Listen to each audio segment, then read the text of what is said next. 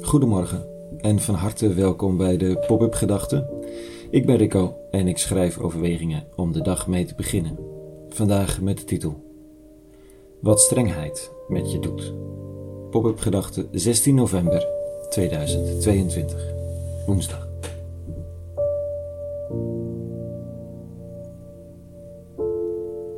Een streng geweten. Het leven is niet al te makkelijk als je daarmee behept bent. Steeds dat stemmetje dat je herinnert aan het feit dat je geen fouten mag maken, dat je niet lui mag zijn, dat je wel je moet inzetten voor wat goed is en je je tijd niet mag verlummelen. Dat je moet zorgen dat je een betrouwbaar mens bent, op tijd komen, je inbox opruimen, je huis moet er goed uitzien als de gasten komen, oh en je moet je vriendschappen onderhouden. Het is ook makkelijk praten voor zo'n geweten. Jij moet het allemaal gaan zitten te doen. En je kunt argumenteren wat je wilt, maar zo'n geweten buigt heus niet zomaar. Het is alsof het op een andere dimensie acteert dan de ratio. Het blijft knagen. Het is niet alleen denken, geweten is emotie. Tegelijk een stukje houvast. Er is, en misschien niet bij iedereen, maar dan toch bij velen, een stemmetje dat het geweten deze taak geeft. Wees streng, dan ben je een goed mens. Je loopt niet te luieren, want wat zullen de mensen wel niet van je denken? Ruim je mail op, want anders verlies je de controle.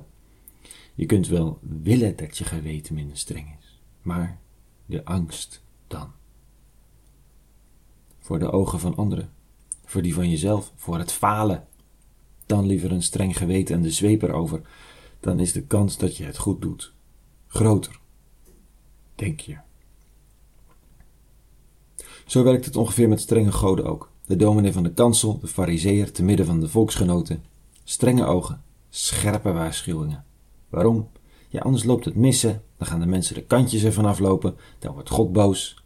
Dus voorzichtig, geen gekke dingen in de maat, geen uitspattingen. Geen risico's ook. Saaiheid, mhm. maar wel keurig, ja toch? En toegewijd, toch? Vandaag lijkt Jezus op wat cryptische wijze korte metten te maken met dat godsbeeld van de strenge God en de gevolgen. Jezus is op weg naar Jeruzalem en men denkt dat hij nu door zijn komst het godsrijk aan gaat doen breken. En ze hebben er zin in, ze zien er naar uit. Nou, zegt Jezus, overweeg nog even of dat wel zo'n feestje wordt. En dan doet hij met een verhaal waarin een strenge koning, daar heb je hem streng, terugkeert naar zijn volk dat bang voor hem is.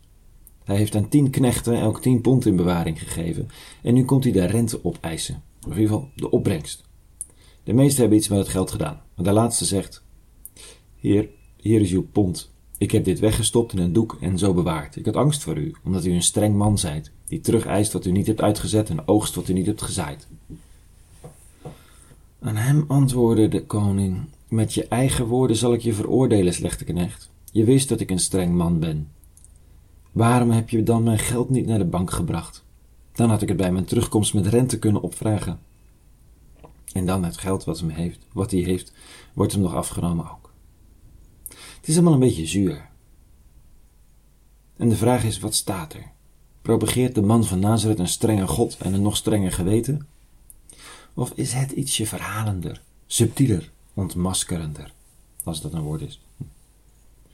Ik hoop dat laatste eigenlijk. In dat geval laat hij hier zien wat de gevolgen zijn van het denken in een strenge God.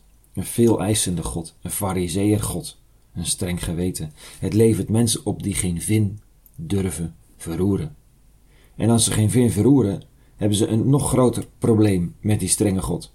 In zijn strengheid wil hij natuurlijk wel resultaat.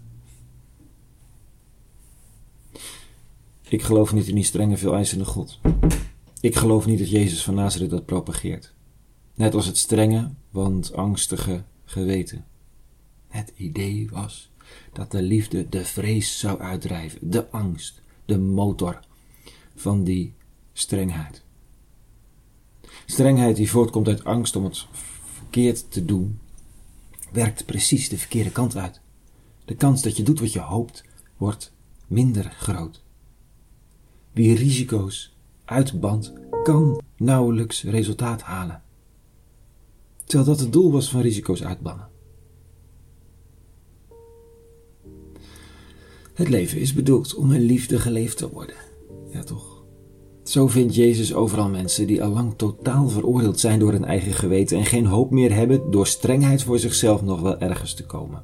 Met hen gaat hij eten en drinken en viert een teruggevonden leven beyond the ideas of right doing and wrong doing.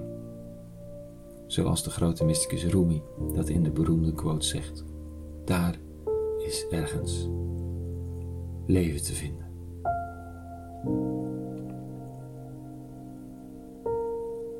Tot zover vandaag.